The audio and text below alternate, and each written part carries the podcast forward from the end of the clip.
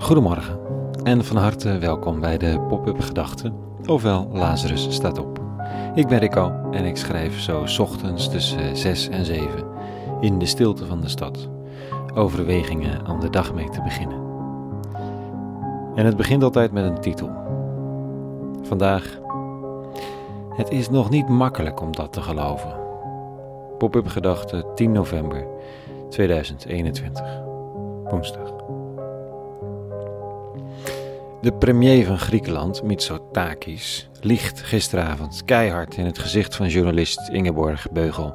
Nee, wij doen geen ongeoorloofde pushbacks van vluchtelingen. De feiten liggen overal op tafel en de leugen wordt begeleid met briesende woede. President Rutte, die gisteravond naast hem stond in Athene, valt hem bij en prijst de inzet die ze ook gezamenlijk ondernemen. En dan de president Lukashenko van Wit-Rusland, die er een flinke gevangenis vol politieke vluchtelingen, politieke tegenstanders op nahoudt, begeleidt grote groepen vluchtelingen naar de grens van Europa, Polen, en spreekt dan afkeurend over hoe deze arme mensen behandeld worden.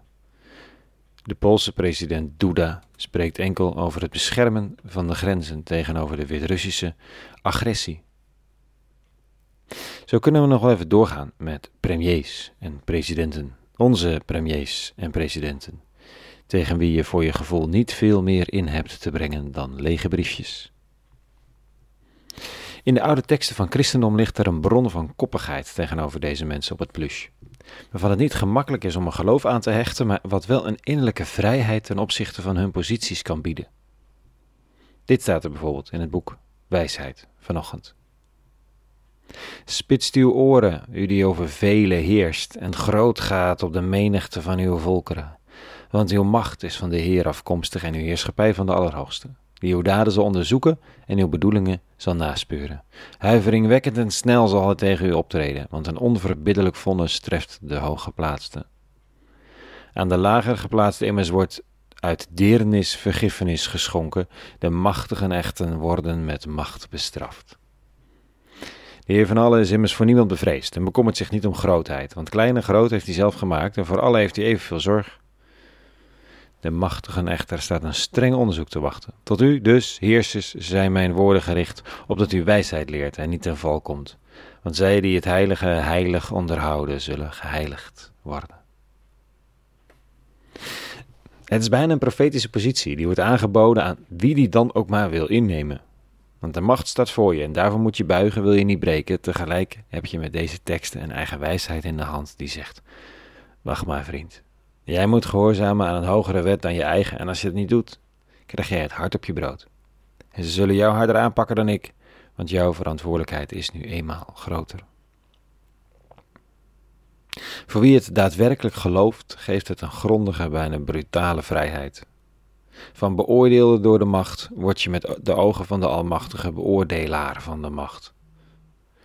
Niet gemakkelijk voor de premier Mitsotakis. Hij zal niet staan te juichen om de forse vragen van journalist Ingeborg Beugel. Maar hij heeft de macht. Hij moet zich verantwoorden.